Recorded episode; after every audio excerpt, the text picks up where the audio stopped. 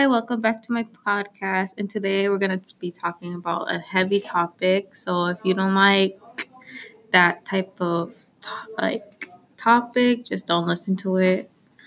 But today we're going to be talking about domestic violence and I'm be interviewing someone who experienced it, which is Lauren, who's next to me right here.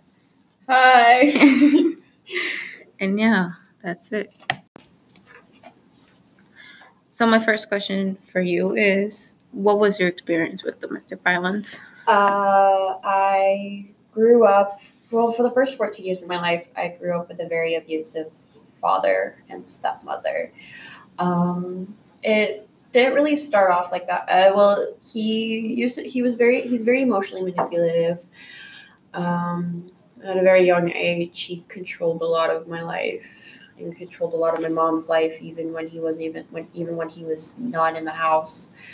And we grew to be very scared of him. I think it was around fifth grade that he started actually like hitting us and doing like giving us punishments that would that like were seriously hurting us and putting us in danger. But I think the most severe it ever got was when I was in ninth grade. I was living with him for ninth grade, and um, in those, and then in the three months I was there, he would hit us with like a belt, leave bruises all over. Um, I mean, there was like, I mean, like sleep deprivation and like food withholding and a bunch of other stuff, and it really damaged my me and my siblings. It like had a huge toll, took a huge toll on us and our and our health, and it was yeah, it was bad. It was really bad, and it's it's kind of seems surreal to me now thinking about it. Mm-hmm. Yeah, it's like it's something like out of a movie. It's like you can't even like I don't know. It's still something that I'm still processing today. Like I Yeah. still have memories that I you know I think about them and it's like really like did that really happen to me? And it's just yeah, it's it's a lot. I'm sorry about that. Yeah, it's fine. It you know you move on. It's been three years, so That's good. Yeah. My second question is how did you get out? Um, thankfully, I had very supportive friends in ninth grade, and the minute they found out about it, they were there for me, and they used every opportunity to try to get me out. Um, but they didn't do anything that would have put me in danger, like or Mhm. whatever. Um, but they um, actually just reported me to um, my guidance counselor, who then called CPS on us and whatever. So it was it took a bit of time because I mean my brother and I love like you know love my dad. He's I mean when he is he's a great he's a great person. It's, he's it's a very he's a very complicated man, but we loved him to death. So it's like we didn't want to admit that he was doing anything wrong, and we didn't want to leave him.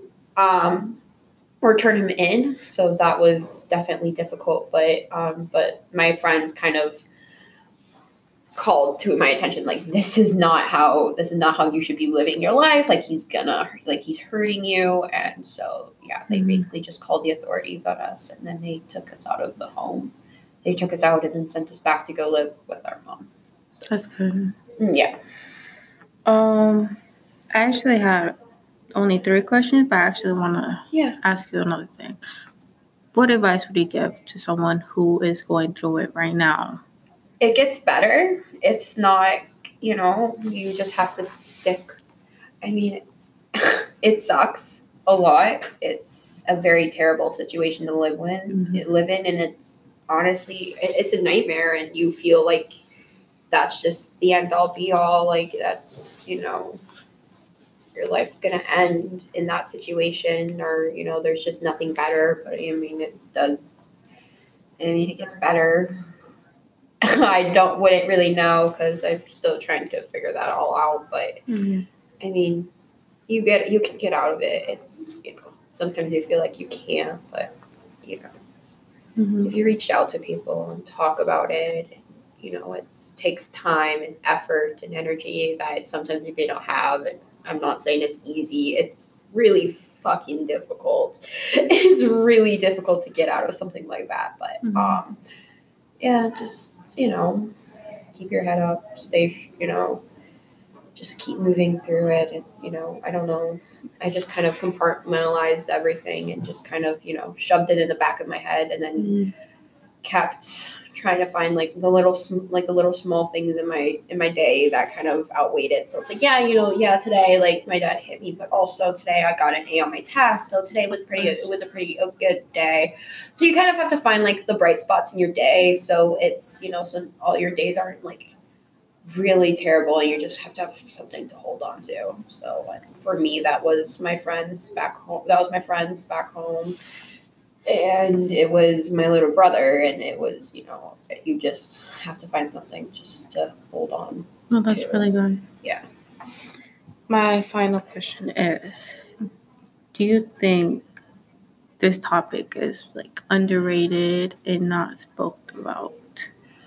um mm, see i don't i don't know actually but i feel like sometimes it is or i don't hmm, i don't think it is discussed a lot um i feel like people try to ignore it i mean because i know that i mean people try to mind their own business and with like Mhm. parenting and it can get like i mean how you parent your kid and you know you feel like you're parenting them right or whatever but.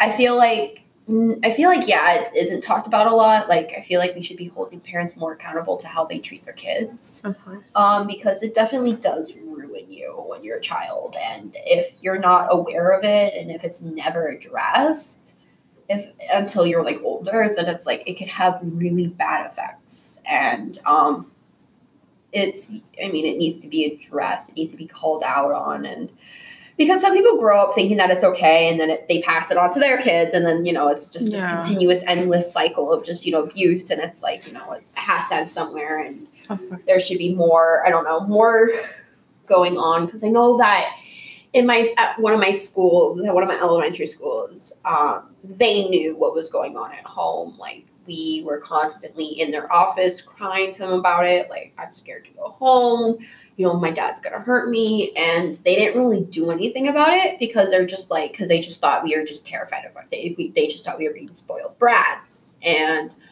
um it's it sucked and it kept us in a situation for for like the next it kept us in this situation for like the next three years and it could have ended a lot sooner than it did and it could have saved us a lot of hurt and pain and trauma but it didn't and they didn't because they didn't do anything and i just don't think that they realized what was going on so i think it should be talked about more so that people recognize more of the signs and recognize that if there is a child crying in your office about not wanting to go home, there's probably something going on at Of home because course. you shouldn't be afraid to go home. And that was probably one of the things that sparked my friends, you know, interest in the whole situation was because they're like, why do you look like you're about to like why do you act like you have a like you're having a panic attack every time you're on the bus ride to school? Like why don't you ever talk about your parents? You know, why don't you Yeah. you know, why don't you talk about what's going on at home or whatever, or you don't look.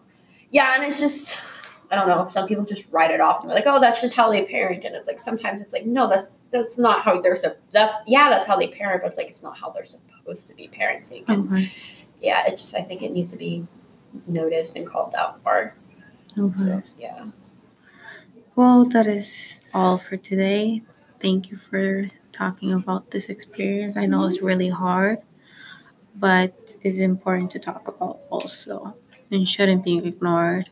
And uh, sorry for this really long podcast, but I think it's very important to listen to.